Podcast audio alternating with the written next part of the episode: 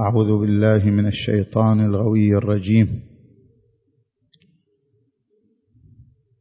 والصلاة والسلام على أشرف الأنبياء والمرسلين محمد وآله الطيبين الطاهرين.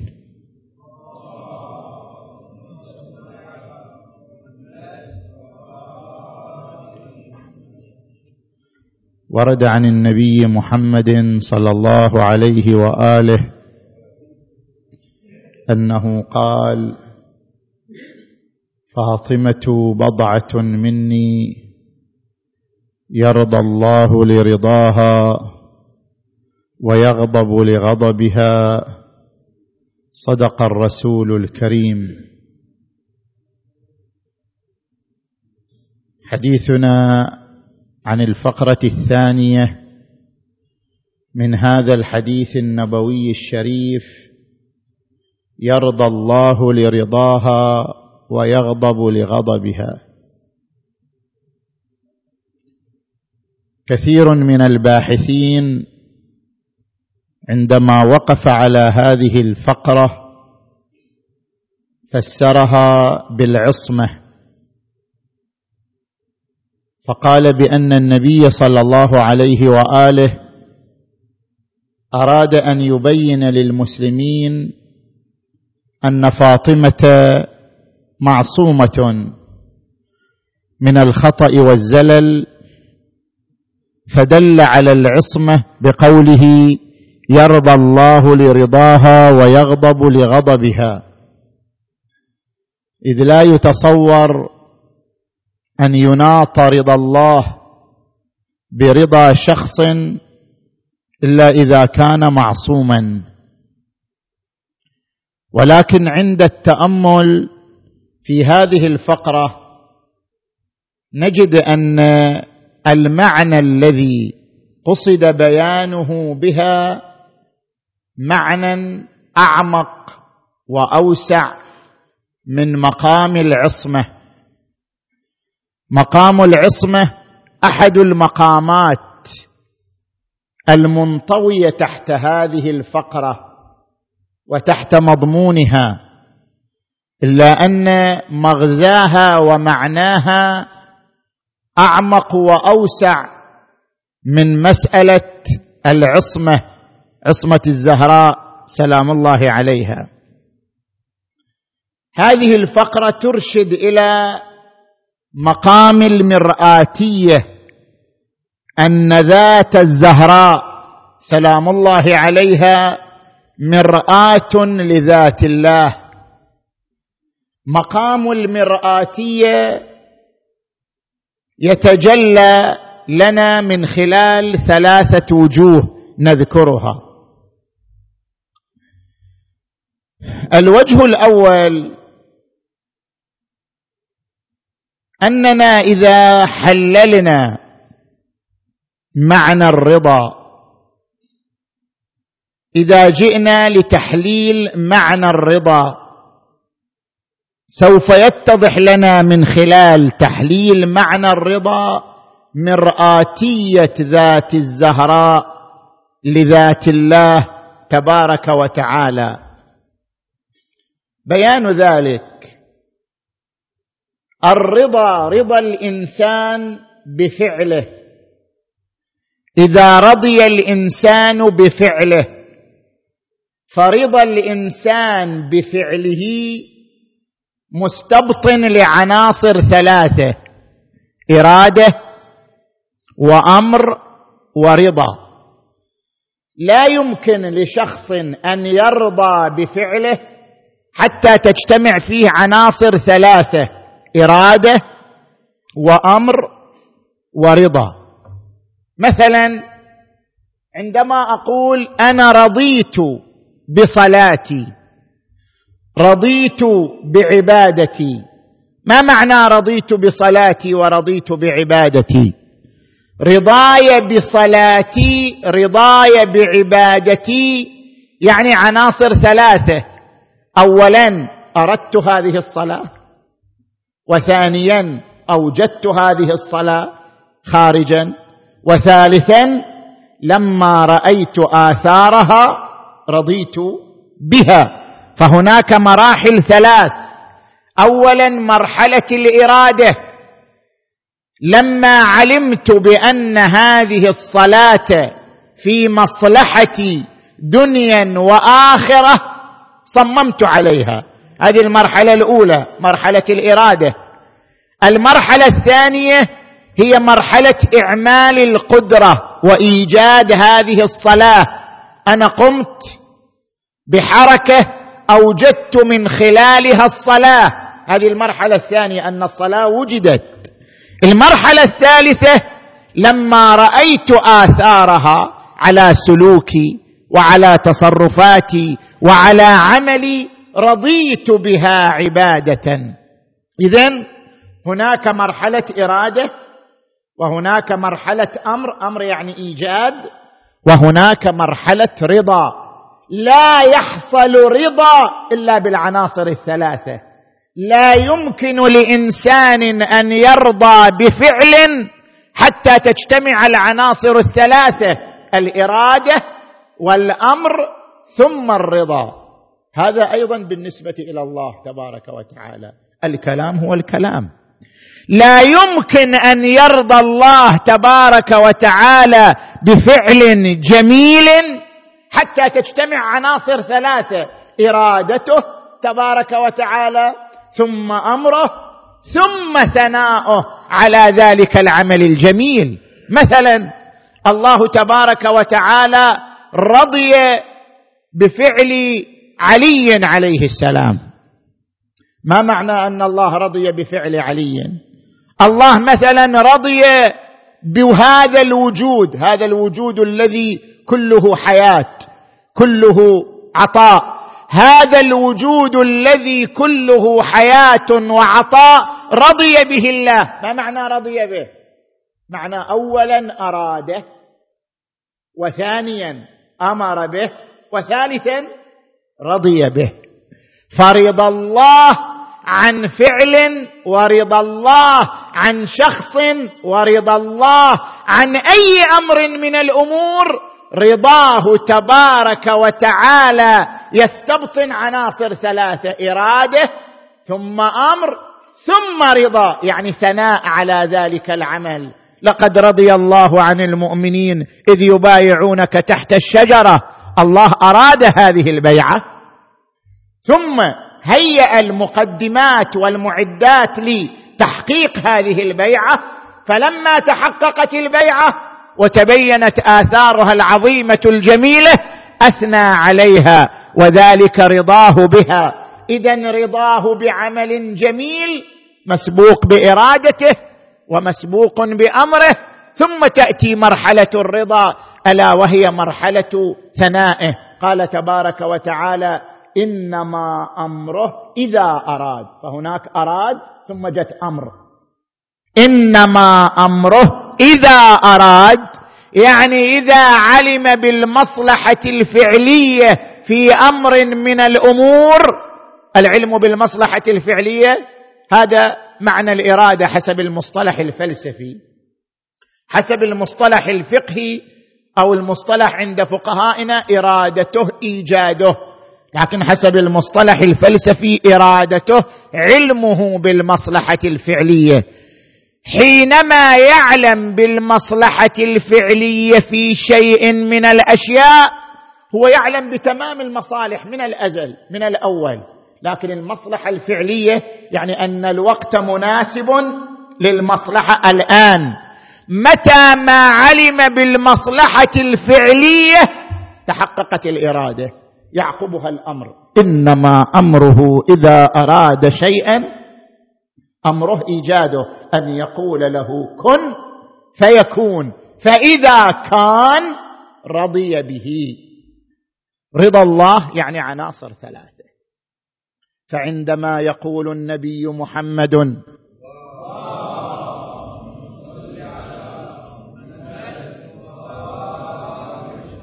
فاطمة بضعة مني يرضى الله لرضاها. يعني رضاها رضا الله. النتيجة ما هي؟ كما أن رضا الله يستجمع إرادته وأمره وثناءه. رضا فاطمة رضا الله. أي أن فاطمة عليها السلام وعاء لإرادة الله. ثم هي وعاء لأمر الله. ثم هي وعاء لرضا الله تبارك وتعالى. لا يتحقق رضا الله في أمر إلا بعد مرحلتين. مرحلة إرادته ومرحلة أمره. اذا لا يتحقق رضا فاطمة الذي هو رضا الله. مرآة لرضا الله. رضا فاطمة رضا الله ورضا الله يعني عناصر ثلاثة إرادته وأمره ثم ثناؤه فرضا فاطمة عليها السلام يعني اشتمالها على إرادة الله واشتمالها على أمر الله ثم اشتمالها على رضا الله وثنائه صلوات الله وسلامه عليها فإرادتها مظهر لإرادة الله. وامرها مظهر لأمر الله. ورضاها مظهر لرضا الله.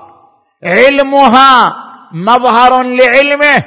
وولايتها التكوينية على هذا الوجود من أصغر ذرة إلى أعظم مجرة مظهر لولايته تبارك وتعالى. ورضاها عن كل فعل جميل. رضاه تبارك وتعالى. اذا كلمة رضا الله أو يرضى الله لرضاها ليست بهذا المعنى العرفي البسيط وإنما هي تشير إلى جامعية الزهراء. سلام الله عليها. لإرادة الله وأمر الله ورضاه تبارك وتعالى. هذا هو الوجه الأول لهذه الفقرة. الوجه الثاني يرضى الله لرضاها. نحن نعلم أن الله تبارك وتعالى له صفات ذاتية وله صفات فعلية. صفاته الذاتية عين ذاته علمه عين ذاته قدرته عين ذاته حياته عين ذاته. هذه تسمى صفات ذاتية. الصفات الذاتية لا تتحقق في عالم المادة لأن عالم المادة محدود. والصفة الذاتية لو تحققت في عالم المحدود لكانت ذاته محدودة. صفاته الذاتية لا تتحقق في عالم المادة. علمه عين ذاته فلا يمكن أن يتحقق علمه. في عالم المادة. عالم المادة مظهر لعلمه لأنه علمه. هذا الوجود المادي بل الوجود بأسره ماديا أو مجردا. كل الوجود محدود لا محالة. هذا الوجود المحدود مظهر لعلمه مظهر لقدرته مظهر لحياته لأنه علمه وقدرته وحياته. هو لا محدود فلا يمكن أن يكون المحدود مجسدا للا محدود. هذا واضح. أما صفاته الفعلية فتتحقق في عالم المادة. لأن صفاته الفعلية هي فعله هي خلقه هي إفاضته. والخلق يمكن أن يكون محدودا ويمكن أن يكون لا محدودا. بما أن صفاته الفعلية هي فعله وفعله يتجسد يتحقق في عالم الماده مثلا الشمس خلقه أموالنا رزقه إماتتنا إماتته إحياؤنا إحياؤه. أفعاله تتحقق في عالم الماده بنفسها سواء كانت محدودة أو لا محدودة.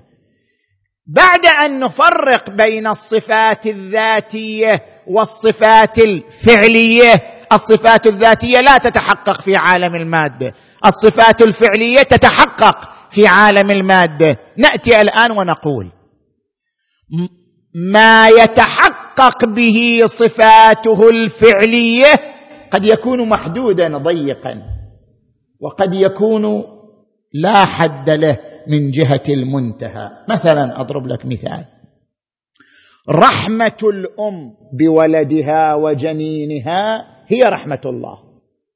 نفس رحمة إلهية. هي رحمة إلهية. مو أنها مظهر. لا هي رحمته تبارك وتعالى.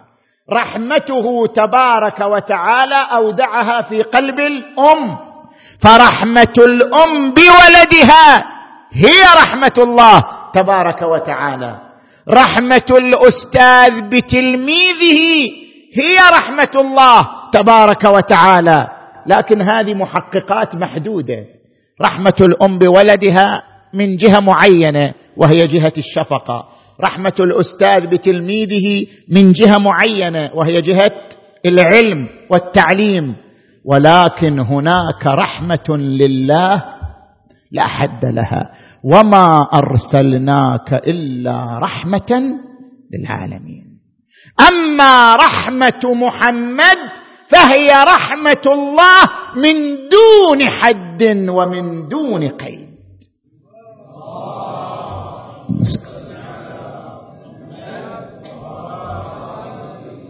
جميع الخلق رحمة رحيميه رحمه الام بولدها رحمة رحيميه ولكن رحمة النبي محمد بالعالمين جميعا بتمام أنحائهم وألوانهم وأنواعهم رحمته رحمة رحمانية.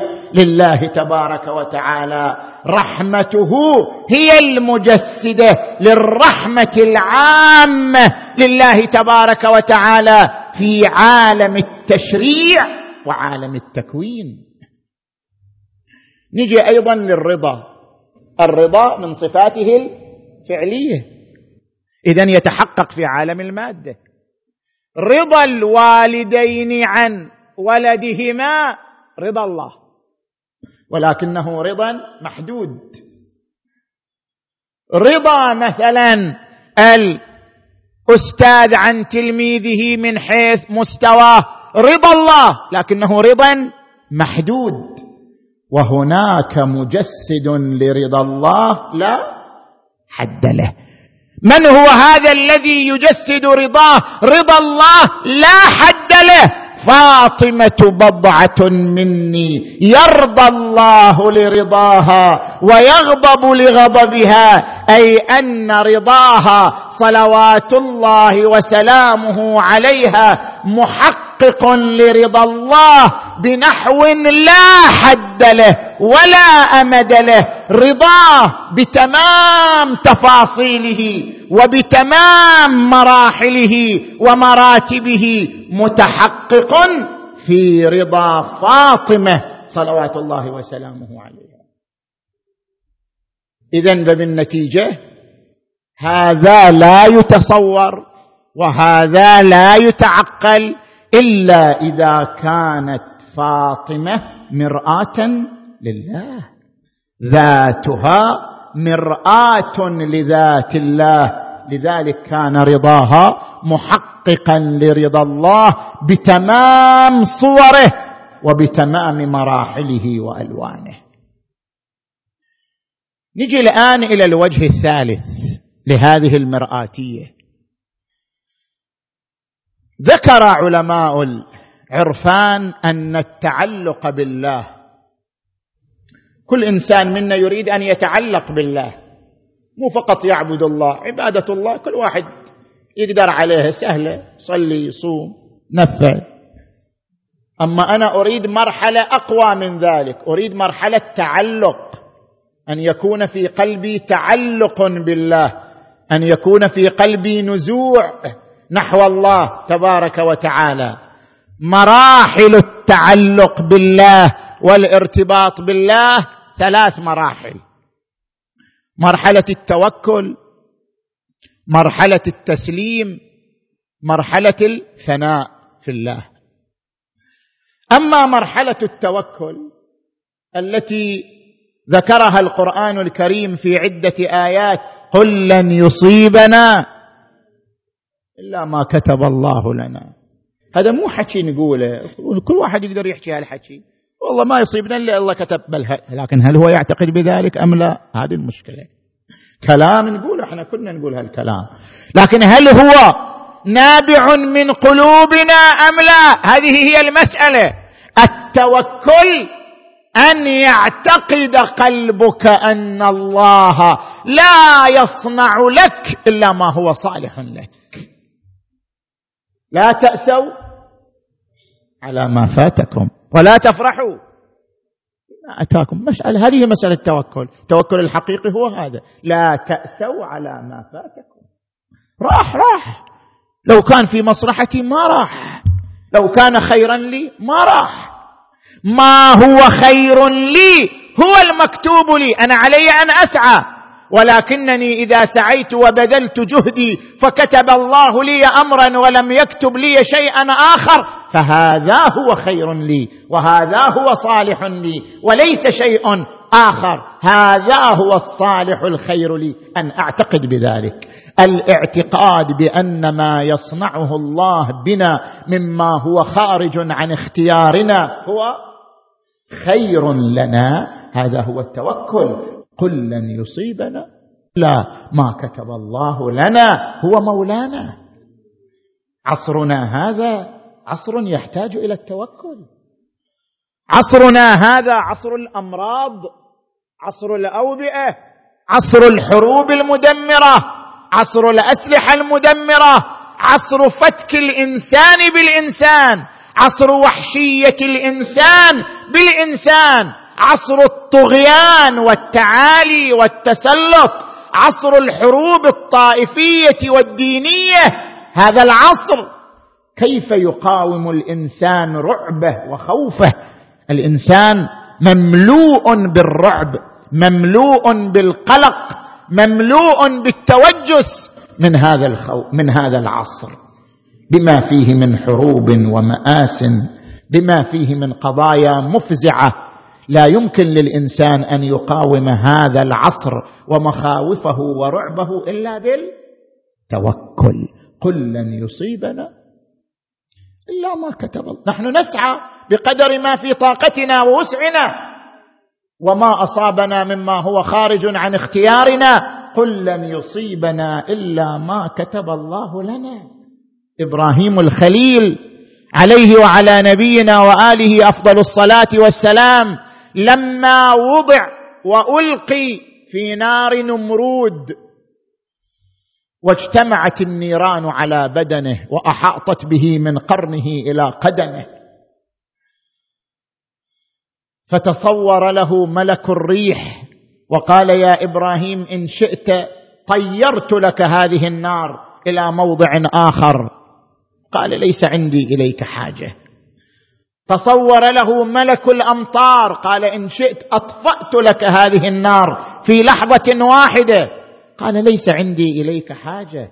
تصور إليه ميكائيل قال إن شئت نقلتك إلى مكان آخر في ثانية في أسرع من لحظة. قال ليس عندي إليك حاجة. قال اذا حاجتك من عند من؟ حاجتك عند من؟ أنت تعتقد بمن؟ قال حاجتي عند ربي. قال إذا ادع ربك. قال علمه بحالي يغني عن سؤالي. أنا أعتقد بأنه لا يصنع إلا ما هو صالح لي. إذا هذا صالح لي أنا أبقى في النار. فليكن. إذا هو مو صالح لي سيأخذني إلى ما هو صالح لي. علمه بحالي يغني عن سؤالي. فقلنا يا نار كوني بردا وسلاما على إبراهيم.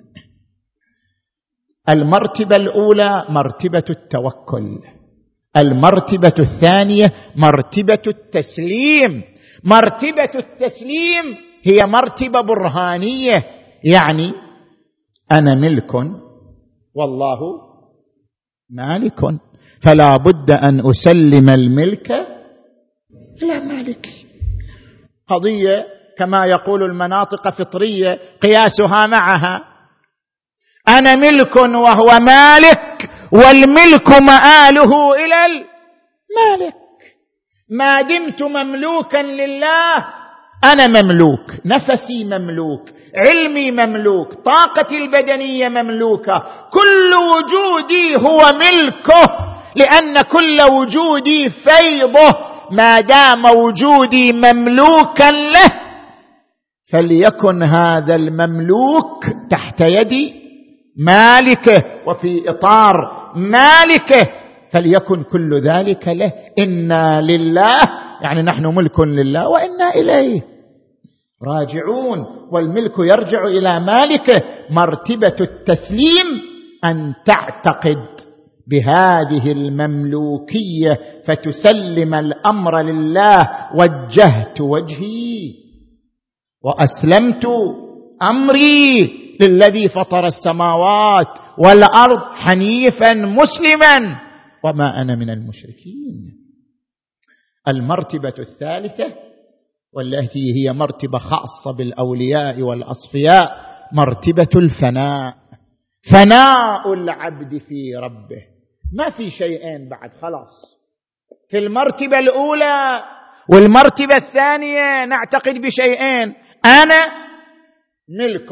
والله مالك يعني هناك شيئان مالك ومملوك. أما في مرتبة الفناء فليس هناك. شيئان وليس هناك اثنان بل ليس هناك إلا الله.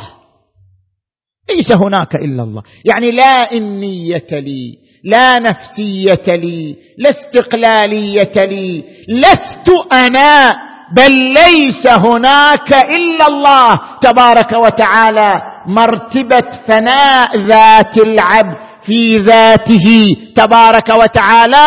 عبر عنها أمير المؤمنين عليه السلام. ما رأيت شيئا إلا ورأيت الله. أنا ما أرى لنفسي وجود ولا أرى لغيري وجود.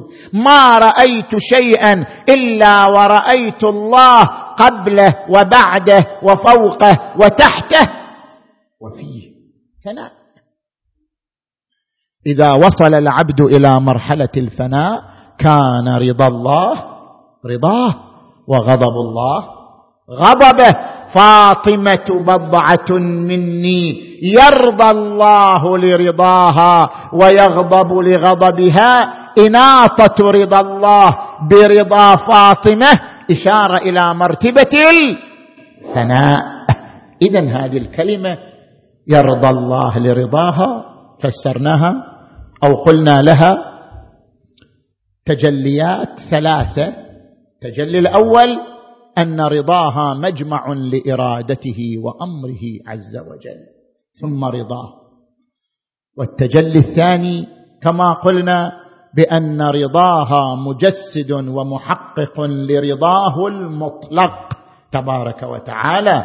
والتجلي الثالث أنها إشارة إلى مرتبة الفناء. ولأن فاطمة عليها السلام وصلت إلى مرتبة الفناء فلهذه المرتبة آثار واضحة في سيرة فاطمة في حياة فاطمة. الأثر الأول احتضان فاطمة للقيادة. من الذي احتضن القيادة منذ أول يوم؟ منذ النبي محمد.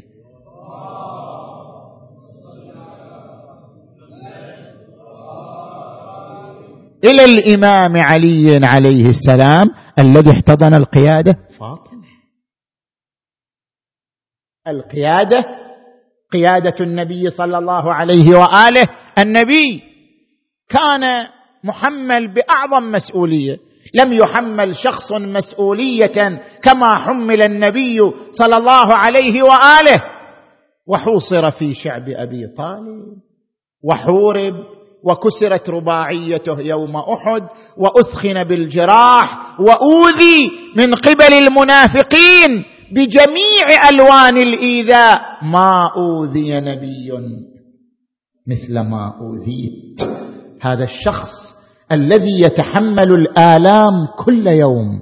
هذا الشخص الذي يتجرع الآلام والمصاعب والغصص كل يوم. هذا الشخص وهو النبي. كان يحتاج إلى عضد يقف معه. كان يحتاج إلى يد تمتد إليه.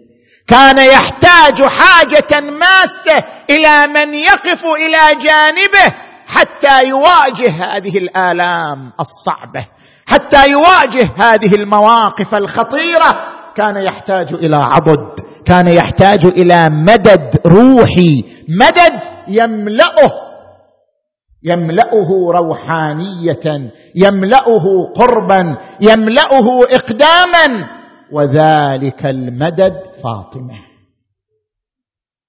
النبي كان يحتاج إلى فاطمة. النبي سيد الخلق وأشرف الخلق لكنه كان محتاجا إلى فاطمة. كان محتاجا إلى حنان فاطمة إلى دفء فاطمة. إلى عطف فاطمة إلى رحمة فاطمة إلى ما تغدقه فاطمة. لذلك لأنه كان يحتاج إليها. كان يرى فيها ذات الله. كان يراها مرآة لذات الله. كان يرى عطفها عطف الله وحنانها حنان الله ورحمتها رحمة الله. كان يرى فيها الرحمة الإلهية بتمام صورها. لذلك كان يحتاج إليها كما هو محتاج لرحمة الله. آخر من يودع فاطمة. وأول من يستقبل فاطمة وإذا أقبلت قام إليها وقبل ما بين عينيها وأجلسها مجلسه وصار يصغي إليها فاطمة بضعة مني. بضعة البضعة هي القلب. لاحظوا النبي عبر عن أهل البيت قال إني مخلف فيكم الثقلين كتاب الله. وعترتي أهل بيت. عبر عنهم بالثقل. عبر عن الإمام علي والحسين بمن؟ حسين مني وأنا من حسين. علي مني وأنا منه. لكن عبر عن فاطمة بتعبير أقوى. عبر عن فاطمة بكلمة أقوى. فاطمة بضعة مني. أنا أحتاج إليها كما أحتاج إلى قلبي. الإنسان يحتاج إلى بضعته يعني يحتاج إلى قلبه. أنا أحتاج إليها كما أحتاج إلى قلبي. فاطمة بضعة مني. فاطمة أم أبيها. اذا فاطمة النبي كان مسؤولا عن إصلاح الأمة وفاطمة كانت مسؤولة عن رعاية النبي كانت مسؤولة عن احتضان القيادة كانت مسؤولة عن احتواء هذه القيادة فكان أول عضد للقيادة امرأة. نحن نستغفل المرأة؟ نحن نحتقر من شأن المرأة؟ نحن نستصغر من مقام المرأة والرسول يبين لنا أن أول من وقف إلى جانب القيادة واحتضنها هو المرأة خديجة وفاطمة. فاطمة أم أبيها. واستمر هذا الاحتضان. فاطمة نهر من العواطف والمشاعر والمدد والعطاء والتضحية فاطمة هي يد القيادة عضد القيادة مظلة القيادة الفيء الذي تلتجئ إليه القيادة لتأخذ شحنتها الروحية وعطاءها الروحي. فاطمة استمرت على ذلك إلى عصر الإمام أمير المؤمنين. علي غصب حقه علي أبعد عن منصبه علي تعرض لأعظم مظلومية في التاريخ علي عليه السلام مع هذه الآلام كلها. لولا فاطمة. لما صار هذا فاطمة هي عضده. فاطمة هي يده. فاطمة هي مظلته. وكنت إذا نظرت إلى وجهها انجلت عني الهموم والغموم. فهي لعلي كما كانت لرسول الله. وهذا كاشف عن مرآتية ذاتها لذات الله تبارك وتعالى. الأثر الثاني عبادتها. عبادة فاطمة كانت عبادة متميزة. ليست متميزة بالصلاة أو الصوم.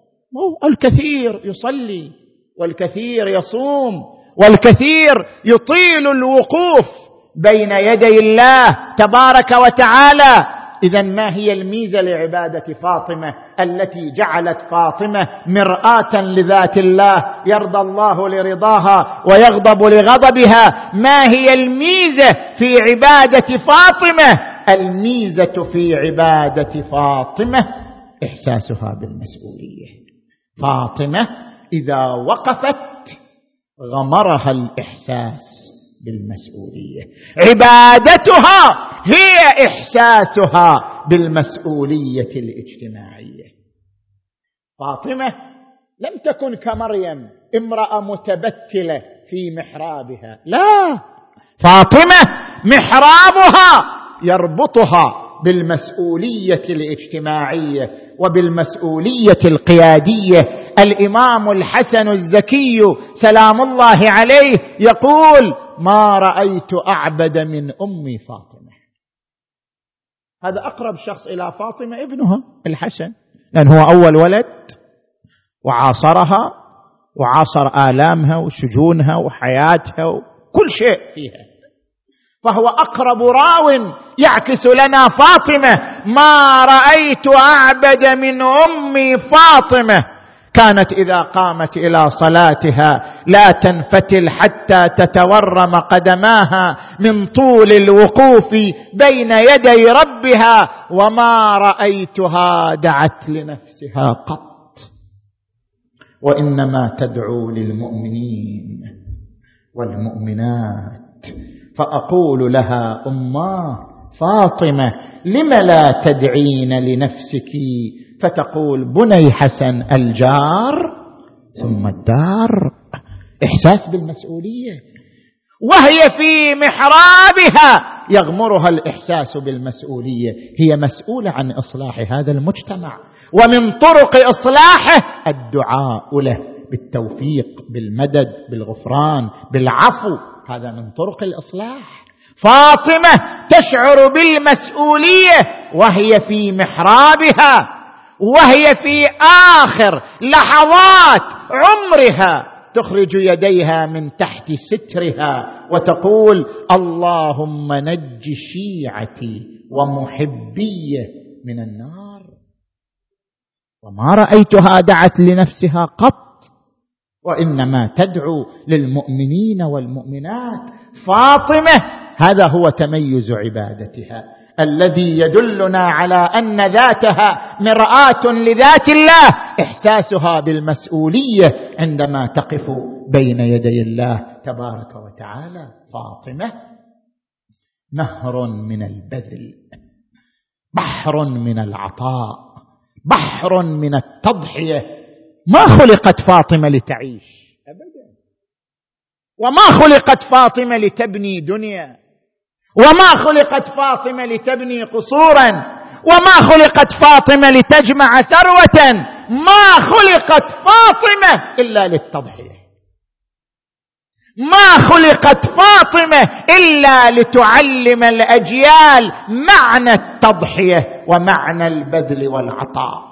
هذا الذي خلقت له فاطمة فكانت كما خلقت له صلوات الله وسلامه عليها. حنان البنت على أبيها. من منا يمتلك ابنة ترحمه وتعطف عليه؟ كما يعطف عليها. عادة الأب أكثر عطفا أكثر. حنانا على ابنته منها. أما فاطمة فهي تكافئه العطاء تكافئه في الرحمة تكافئه في العطف تحتاج إليه ويحتاج إليها. حنان فاطمة على أبيها. لا حد له. وحنان الزوجة على زوجها. مثلته فاطمة. تعال أنت إلى زوجاتنا في هذا الزمان. سبع على زوجها. لا يفر لا يمينا ولا شمالا إلا وتحت أمرها ونهيها تحاسبه. على كل صغيرة وكبيرة. ولا تغفر له زلة ولا تقبل منه عتابا ولا ترحمه في أي فعل من الأفعال. كأنها سبع عليه. فلتتعلم. زوجاتنا ونساؤنا وبناتنا من فاطمة. كيف حنان الزوجه على زوجها؟ كيف تبذل كل ما عندها في سبيل؟ زوجها في سبيل بعلها الرواية تقول بعض الناس يظن أن فاطمة لأنه لما حصل لها هذا الحادث المأساوي في هجوم الدار بعد فاطمة خلاص صارت ما تتكلم صارت كئيبة وصارت حزينة وصارت ما تبتسم وصار الإمام علي يعيش مع امرأة حزينة كئيبة باكية منزله عينها ما يشوف منها أي بسمة. لا. الرواية تقول فاطمة إذا خرج علي بكت وأنت وبمجرد أن يعود استقبلته بالابتسامة. ما رآها إلا وهي مبتسمة. ما رآها إلا وهي تبتسم في وجهه وتقبل عليه. كانت تخفف عنه هذه الآلام كلها. كانت ترفع منه هذا الألم كله. كانت ترفع منه هذا التشنج كله. ببسمتها. أتدرون ما هي ابتسامة فاطمة؟ ابتسامة فاطمة ابتسامة الجنة. لأنها تفاحة كما كان الرسول يشتاق إليها ويقول إذا شممتها شممت. رائحة الجنة كانت بسمتها ابتسامة الجنة. إذا ابتسمت لعلي احس كان الجنة أمامه بأفيائها وألوانها ومفاتنها. ابتسامة فاطمة لعلي كان لها أثر كبير على نفس علي عليه السلام. ما فارقتها الابتسامه من شدة حنان الزوجة على زوجها ما فارقتها الابتسامه ابدا. وهذا يؤكد لنا مرآتية ذاتها لذات الله وحنان الأم على أولادها. حنان البنت على أبيها حنان فاطمة. حنان الزوجه على زوجها حنان فاطمة حنان الأم على أولادها حنان فاطمة أي حنان أغدقت به حسنا وحسينا؟ وزينب وأم كلثوم. ما كان حنانا ماديا ولا حنانا دنيويا وإنما كان حنانا روحيا. ربت هؤلاء الأربعة على أن يكونوا أبطال التاريخ. ما اكتفت أن تربيهم على الصلاة أو تربيهم على الصوم أو تربيهم على النافلة ربتهم على أن يكونوا أبطال التاريخ. كوكبة التاريخ يقودون مسيرة التاريخ حسن وحسين. وزينب وأم كلثوم. نساء ورجالا قادوا مسيرة التاريخ كما ربتهم فاطمة. ربتهم على العطاء. أن لا شيء في الكون اسمه أنانية أو اسمه احتكار أو اسمه استقلال. هناك عطاء هناك بذل هناك تضحية منذ صغرهم. ينذرون ثلاثة أيام صوما وعندما ينتهي يوم الصوم أطفال صغار صائمون يعشقون قرصا من الرغيف حتى يسدوا به جوعتهم. لكن بمجرد أن يقبل المسكين ثم اليتيم ثم الأسير ما تحتاج الزهرة تقول لأولادها بابا قوموا تصدقوا باقراصكم لا هم هم يبادرون بأنفسهم. هم يتسابقون. الأربعة الصغار يتسابقون إلى الصدقة يوفون بالنذر ويخافون يوما كان شره مستطيرا ويطعمون الطعام على حبه مسكينا ويتيما وأسيرا. إنما نطعمكم لوجه الله لا نريد منكم جزاء ولا شكورا فلنربي أطفالنا على العطاء على الصدقة على البذل ليأخذوا شيئا من نور فاطمة ليأخذوا شيئا من وميض فاطمة. اللهم ارزقنا شفاعة فاطمة. اللهم اجعلنا معها احياء وأمواتا. اللهم اجعلنا اللهم ارزقنا في الدنيا زيارتها وفي الآخرة شفاعتها ورضاها. اللهم صل على محمد وآل محمد. اللهم بالزهراء وأبيها وبعلها وبنيها والسر المستودع فيها. اللهم تقبل أعمالنا. اللهم اغفر ذنوبنا. اللهم كفر عنا سيئاتنا وتوفنا مع الأبرار. اللهم ارحمنا ببركة فاطمة عليها السلام. اللهم كن لوليك الحجة بن الحسن.